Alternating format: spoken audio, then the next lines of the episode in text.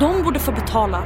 Det kommer uppgifter om någon form av olycka på Arlanda flygplats nu på morgonen. Smaka på sin egen medicin. Alla börjar skynda mot utgången. Samtidigt, i, panik. De är mördare och ska straffas. Det är det enda som kommer stoppa dem.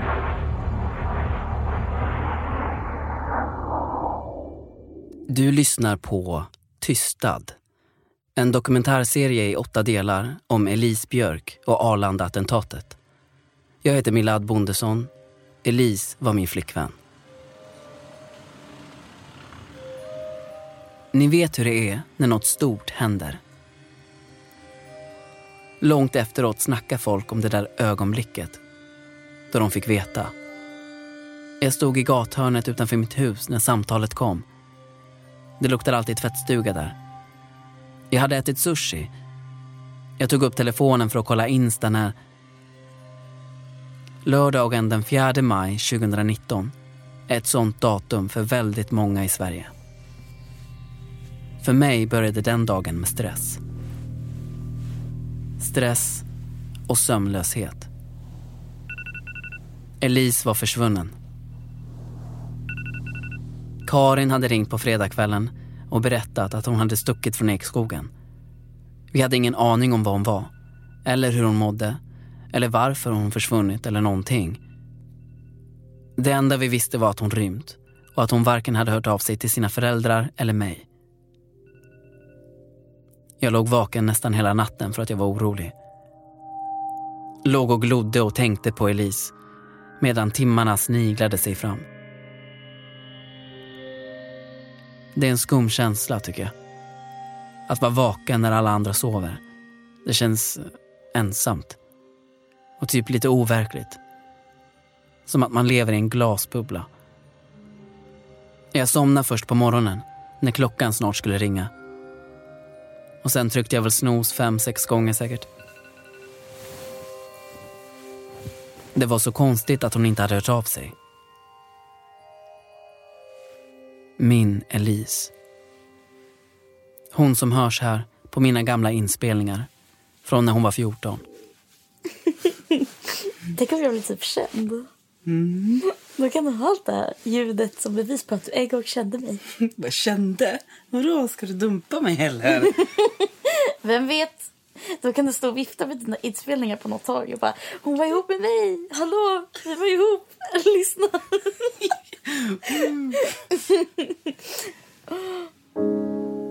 Hon som blev sjuk av oro för klimatet hamnade på Ekskogen och längtade hem så mycket att hon grät varje gång vi sågs.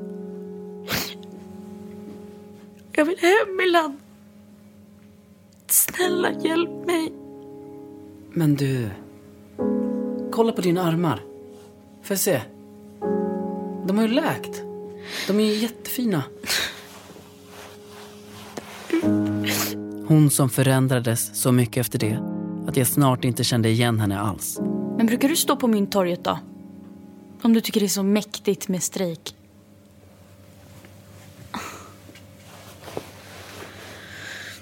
Så jävla ego du har blivit.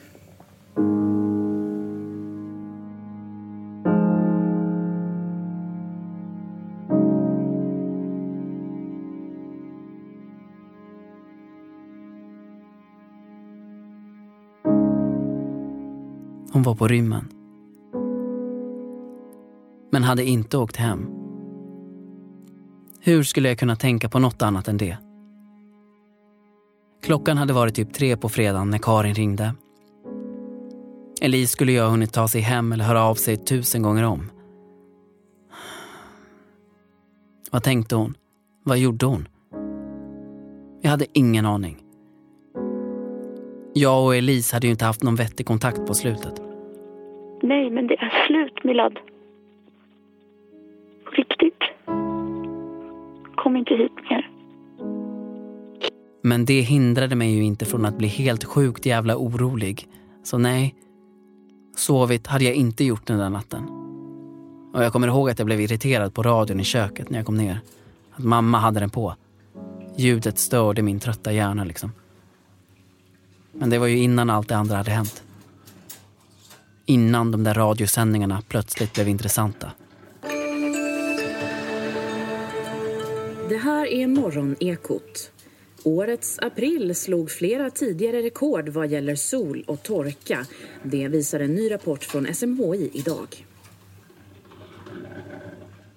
Det var, ja, men det var ju en ovanlig lördag för mig. Med tanke på att Elise var försvunnen. Men den var vanlig också, på andra sätt. Jag hade snosat för länge. Jag tryckte i mig en macka vid köksbänken. Jag skulle till jobbet, sånt. Jag jobbade i bagaget på Arlanda. Jag började sommarjobba där när jag var 16. Efter två somrar blev det extra på helger och sånt också. Inte ofta, inte varje helg, men ibland. Elise var sur på mig för att jag jobbade på en flygplats. För henne var det ungefär som att jag åkte och hjälpte till i helvetet. Men för mig var det ett schysst jobb. En stor arbetsplats, roliga kollegor, helt okej okay betalt. Den här lördagsmorgonen vet jag att jag skulle börja jobba halv tio. Jag hade övertalat pappa att skjutsa mig, för jag var så sen. Jag skulle aldrig hunnit om jag hade tagit bussen. Jag minns att han stod i hallen med skorna på och hetsade mig. Och att jag letade efter mitt passerkort. Jag brukade alltid ha det i plånboken, men nu låg det inte där när jag kollade. Jag var mitt uppe i att rota igenom varenda ficka på varenda byxa för att hitta det jävla kortet. När telefonen ringde. Och jag var fortfarande väldigt orolig för Elise. Vad var hon? Hur mådde hon? Varför hade hon inte hört av sig? Jag blev så besviken när jag tog upp telefonen och kände igen namnet på displayen. Ja, hallå, det är Milad. Det var inte Elise. Det var min chef, Ludde. Nu, så här i efterhand, ser jag hans samtal som startskottet på alltihop. Han var den första som hintade om att något hade skett. Ute i världen. Utanför min sömnlösa bubbla. Du behöver inte komma in idag, sa han. Jaha. Klockan var nio och jag hade redan skorna på mig för att åka till jobbet. Och nu ringde min chef för att säga att jag inte behövde komma in. Det var... Nej, men det var konstigt. Och han var så diffus också. Han visste nog inte exakt vad det var som hade hänt. Någon hade bara bett honom att ringa runt till sin personal. Men han sa något om att flygplatsen var stängd. Det var ingen idé att vi kom dit. Och det var precis efter det som nyhetssändningarna på radio fick en annan ton. Jag vet inte om det stämmer, men så är det i mitt minne i alla fall. Jag la ifrån mig telefonen efter samtalet med Ludde. Och sen tog det inte ens en minut innan mamma höjde ljudet på radion i köket för att vi alla skulle höra. Det var verkligen något som hade hänt. Något stort. Det här är Ekot som sänder extra. Det kommer uppgifter om någon form av olycka på Arlanda flygplats nu på morgonen. Vi har knapphändiga uppgifter i nuläget, men vi söker polis och räddningstjänst för att kunna berätta mer. Det är ännu oklart hur allvarligt det är, men personer vittnar om en kemisk eller gasliknande lukt och att de fått svårt att andas. Av de bilder och filmer som vi kan se i sociala medier råder just nu panik. All flygtrafik är inställd och allmänheten uppmanas att respektera avspärrningen på flygplatsen. Vet inte, men, men skicka, skicka allt ni har. Det är kaos här. Folk hostar och kräks.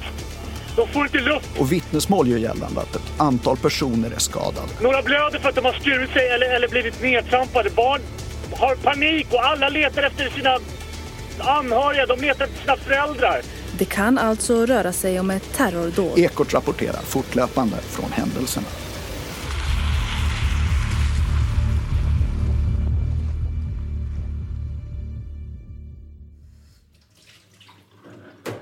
Det är som att allt annat stannar upp när något sånt här händer. Det tar en stund innan man fattar vad det är man hör. Men när man väl har fattat det. Jag sträckte mig efter telefonen igen. Och det gjorde mamma och pappa också. Jag minns inte vad vi sa till varann, men vi stod i köket allihop och scrollade igenom nyhetsflödet. Letade information, försökte fatta. På sociala medier fullständigt kokade allas flöden. Det gick så snabbt. På bara några minuter från det att jag hört de första nyhetssändningarna såg jag att folk började markera sig själva som i säkerhet och meddela sina följare och anhöriga att de var okej. Först kände jag en kemisk lukt och så började det sticka i ögonen. På radion hade de lyckats leta upp några som var på plats som kunde rapportera direkt från flygplatsen. Det rann och sved så det var svårt att hålla dem öppna. Och så började jag hosta, det kliade i halsen och, och, och det där stickiga så jag, jag fick ingen luft. Och så såg jag folk kröp, om, liksom, kröp ihop runt mig och hade samma problem. En gamling eh, jag tuppade av direkt.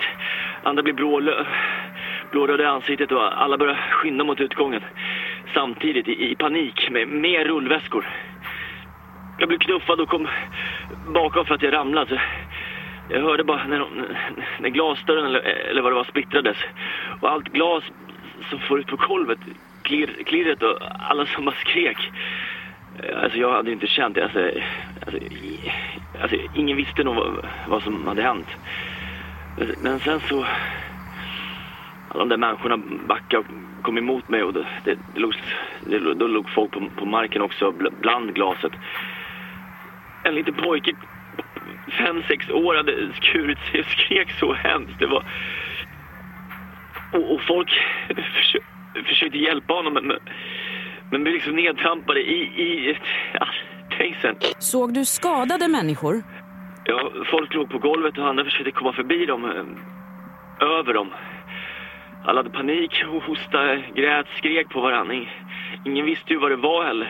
Giftgas, frätande syra, virus. Alltså... Jag står utanför avgångshallen en bit bort tillsammans med en massa andra som också har samlats här. För polisen har spärrat av och försöker liksom få oss att skingra oss. Men jag menar, folk har ju tappat bort varandra och behöver vård och har checkat in bagage och ja, men vi vet liksom inte vart vi ska ta vägen. Där och då hade jag fortfarande ingen aning om att min sömnlösa natt och min oro för Elise skulle gå att koppla ihop med det som hänt på Arlanda. Då var det fortfarande två helt separata händelser. Elise var på rymmen. Något hade hänt på Arlanda. Inte fan tänkte jag att de sakerna kunde ha med varandra att göra. Inte för en sekund. Jag tänkte... Jag vet inte vad jag tänkte. Jag följde bara nyhetsrapporteringen. Sveriges Radio är det här. För ungefär en timme sen inträffade det som kan vara ett terrordåd på Arlanda flygplats i Stockholm. Klockan var två minuter över nio när larmet kom. Än så länge obekräftade uppgifter talar om en död och flera allvarligt skadade. Flera vittnen pratar också om flygblad som legat spridda på flygplatsen. Det kan röra sig om ett budskap av något slag från den eller de personer som ligger bakom. Jag har inte något, något av de flygbladen nu, förvisso vi står utanför och allt är avspärrat och så. Men, eh, ja, men det jag minns är att eh, det var vita papper, alltså A4-papper på golvet. Eh, jag, jag hann inte läsa vad som stod för jag tänkte bara ut, ut, ut. Men eh, eh ja, nu har folk börjat prata om texten. De var handtextade eh, med svart tuschpenna, ganska tjock.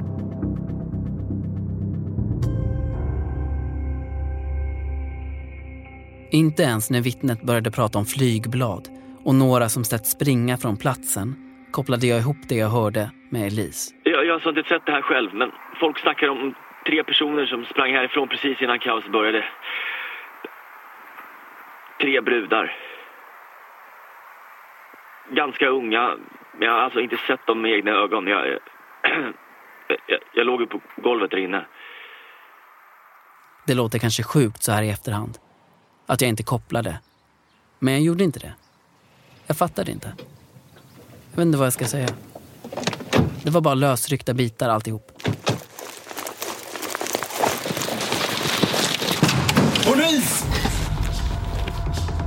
Och sen stormade nationella insatsstyrkan in i vårt hus.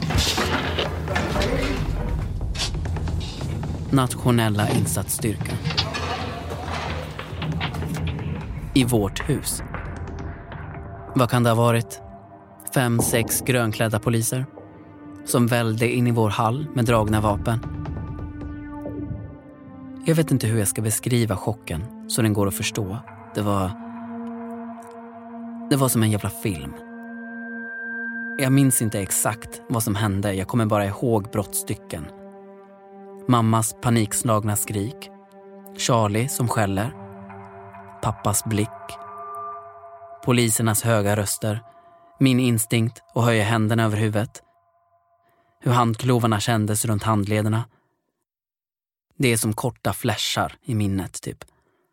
Skräckscener som blinkas fram.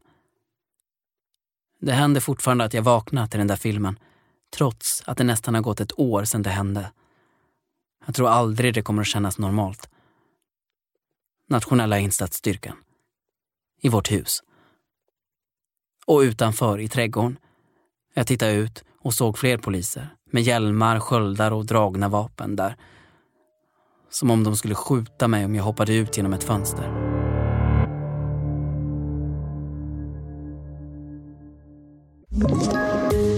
Ett poddtips från Podplay. I podden Något Kaiko garanterar östgötarna Brutti och jag, Davva, dig en stor dos skratt. Där följer jag pladask för köttätandet igen. Man är lite som en jävla vampyr. Man har fått lite blodsmak och då måste man ha mer. Udda spaningar, fängslande anekdoter och en och annan arg rant. Jag måste ha mitt kaffe på morgonen för annars är jag ingen trevlig människa. Då är du ingen trevlig människa, punkt. Något Kaiko, hör du på Podplay. Därför är gardinerna.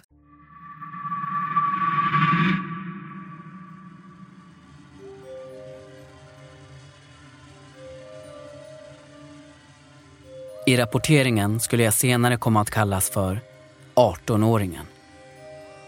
Det varierade lite hur fortsättningen lät. Ibland var jag misstänkt i terrordådet. Ibland var jag inblandad. Ibland hade jag kopplingar till attentatet och ibland var jag bara den anställda som lite av en slump hade blivit indragen. Men just då, när poliserna stormade in och tryckte på mig handklovar var det i alla fall sista gången på länge jag bara var Milad.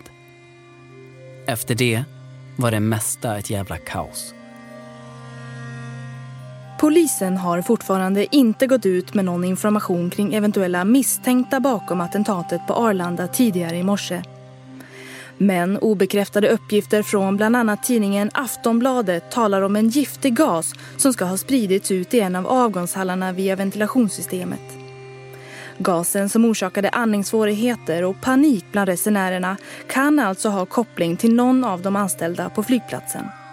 Det här är alltså än så länge obekräftade uppgifter. Det talas alltså om att det var med hjälp av ett passerkort som de misstänkta kunde ta sig in. Mer om det i kvällens sändning. De tre unga kvinnor som misstänks ligga bakom terrorattentatet på Arlanda är fortfarande på fri fot. Det berättade polisen vid en presskonferens i eftermiddags. Däremot har den 18-åriga man som kan ha kopplingar till dådet gripits och tagits in till förhör. Vad tänkte jag när polisen stormade in? Att det var ett misstag. Ett skämt, kanske. Att det var någon som försökte pranka mig, typ. Jag vet inte. Jag fattade i alla fall ingenting. Och det gick på bara några minuter. Ena sekunden satt jag i köket och scrollade på mobilen och följde nyhetssändningarna från attentatet på Arlanda. I nästa sekund fördes jag ut ur mitt hus i handbojor och blev intryckt i en bil av nationella insatsstyrkan. När kopplade jag? Jag tror inte att det var förrän jag satt på polisstationen och skulle förhöras. Det talas alltså om att det var med hjälp av ett passerkort. Det var då det började gå upp för mig vad det faktiskt handlade om. Med hjälp av ett passerkort. Jag satt på en obekväm jävla trästol i ett förhörsrum när poliserna för första gången frågade om jag hade mitt passerkort till Arlanda. Jag fattade först inte ens varför de undrade. Uh, ja. Eller nej, faktiskt inte, men... Sen var det som att allting bara spann loss i mitt huvud. Stress, stress och sömnlöshet. Jag jobbade i bagaget på Arlanda. Det kommer uppgifter om någon form av olycka på Arlanda flygplats nu på morgonen. Än så länge obekräftade uppgifter talar om en död och flera allvarligt skadade. Arlanda flygplats. Hitta det jävla Det talas alltså om att det var med hjälp av ett passerkort.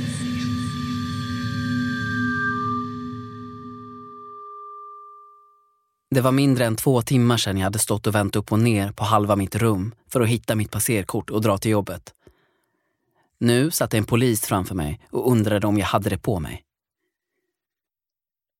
Fram till dess hade jag bara trott att jag råkat lägga den någonstans. Ni vet, som när man inte hittar sin plånbok typ. Man tänker ju inte direkt, den är stulen. Man tänker, vad fan har jag lagt den nu då? Och så går man igenom sitt minne och försöker komma på när man hade den sist. Backtracka sin tid. Så man ska kunna leta på rätt ställen. Jag hade den i alla fall när jag köpte pizza i tisdags, typ. Och inte förrän man har gått igenom hela hjärnan och letat på alla ställen börjar man kanske tänka att den är borta på allvar. Nu var det som att polisen på andra sidan bordet snabbspolade mig igenom den processen på tre sekunder. Hade jag mitt passerkort på mig? Nej. Visste jag vad det var? Nej. När kunde jag med säkerhet säga att jag hade det senast? För fyra veckor sedan. När jag jobbade mitt förra pass. Hade jag sett det sen dess? Ja, kanske. Eller... Jag tror att jag såg det i plånboken när jag tog upp busskortet för att åka till Elise någon gång efter påsk. Var jag säker på det? Ja. Nej. Ah, gud, jag vet inte. Sen ställde polisen den där frågan som fortfarande ringer i öronen på mig. Jag kan nästan höra hans allvarliga tonfall i huvudet. Och jag kan definitivt känna chocken fortplanta sig i kroppen när jag insåg vad frågan antydde. Var befann jag mig i morse, strax innan nio? Klockan 08.48 registrerades nämligen jag, eller den person som använde mitt passerkort, på väg genom personalsäkerhetskontrollen i terminal 4 på Arlanda flygplats.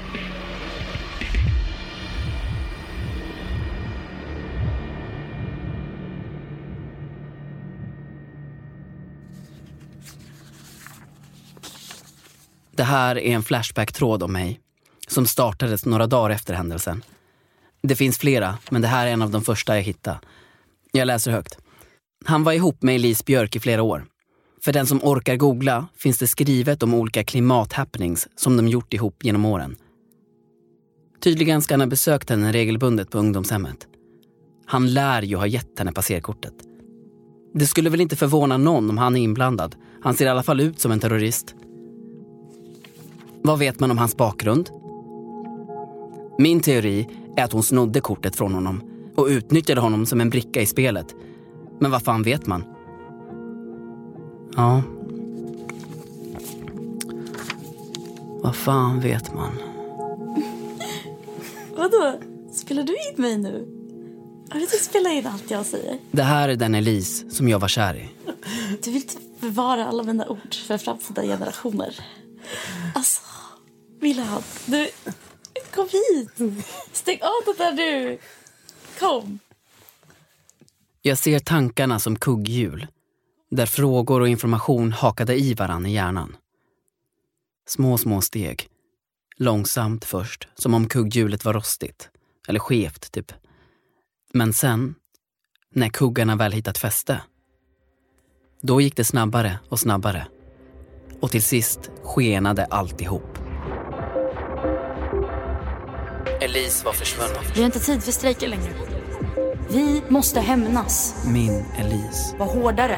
Hon var på rymmen. Arter på jorden minskar och folk dör och jagas på flykt på grund av klimatet. Det kommer uppgifter om någon form av olycka på Arlanda flygplats nu på platsen. Samtidigt som företag fortsätter pumpa upp olja och dränka oss i sopor och koldioxid. Ah, så många affischer hela tiden. Flera vittnen pratar också om flygblad som legat spridda på flygplatsen. De borde få betala. Smaka på sin egen medicin. Tre brudar. Fan! Vad är oddsen för att jag skulle hamna ännu närmare Arlanda? Arlanda flygplats. Arlanda flygplats. Hitta det jävla kortet. Det talas alltså om att vara med hjälp av ett passerkort.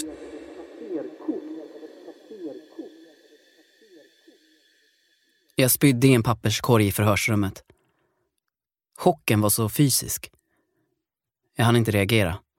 Jag bara kände hur magen vände sig, från ingenstans. Och sen spydde jag tills magen var helt tömd. Poliserna måste ha sett det komma. För de sträckte fram papperskorgen precis i tid. Själv var jag inte förberedd på ett enda jävla skit. Elise hade snott mitt passerkort för att ta sig in på Arlanda och utföra ett attentat där folk hade skadats och dött. Alltså...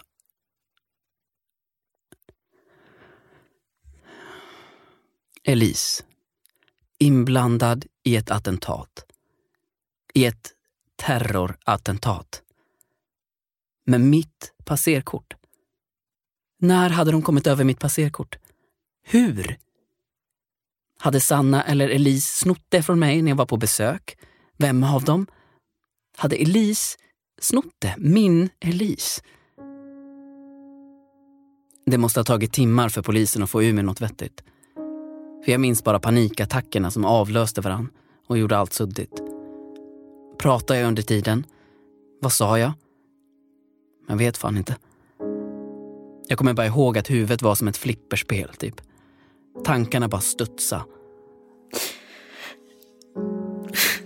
Det här är ett av de första ljudklippen från Ekskogen. Oj. Vill du sitta i mitt knä? Du. Kom. Funderade hon redan då på att sno mitt kort?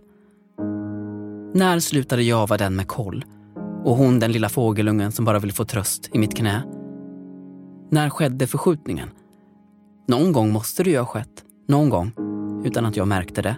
Hade hon blivit någon som kunde tänka sig att ljuga för mig, stjäla från mig och dra in mig i ett terrordåd? Du, försök att bara... Det är ingen fara. Samma natt, samma morgon hade jag sett Elise som min flickvän och legat sömnlös av oro för att hon var försvunnen. Nu visste jag plötsligt inte ens vad hon var. En terrorist? En mördare? Alltså det var så sjukt alltihop och jag var så galet förbannad.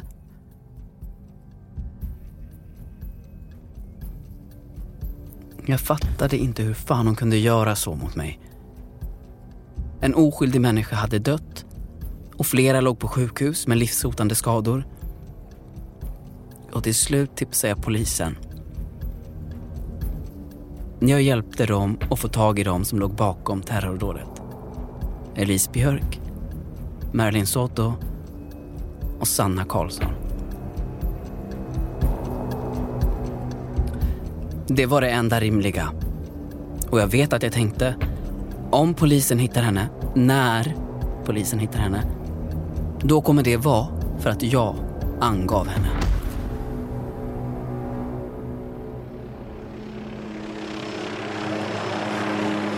Det kommer uppgifter från en campingplats i höjd med sjön Aspen. Vi såg att det brann som fan i en husvagn. Man kan jämföra det med en eh, tryckkokare. Pang!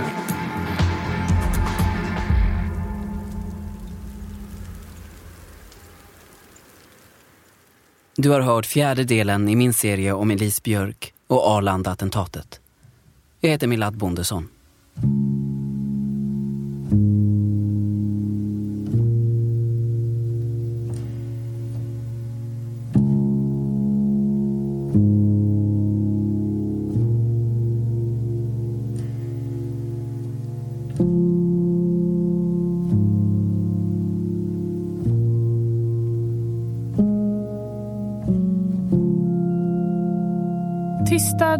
Tv-serie från tiden. Manus Åsa Anderbergs Trollo och Lisa Bjärbo. Regi Åsa Anderbergs Trollo, Lisa Bjärbo och Klara Gustafsson. I rollen som Milad hörde du Kristoffer Lehmann, Elise, Mira Mitchell, Karin, Cecilia Nilsson, Sanna, Siam Shurafa och Bosse, Thomas Nordström. I övriga roller Ella Schattner, Viktor Åkerblom, Andreas Kundler, Tove Edfeldt, My Holmsten, Erika Bjuling, Gustav Edman, Lars Truedsson, Josefin Karlsson, Henrik Berg, Erik Thorsson, Eva-Lisa Wallin, Åsa Anderberg Strollo, Sara Dobare, Olle Lidbom, Lisa Lindberg, Jenny Edjansen och Hugo Kalm. Tystad inspelad hos Storytel Production 2020. Klippning, ljuddesign och slutmix Tommy Jönsson.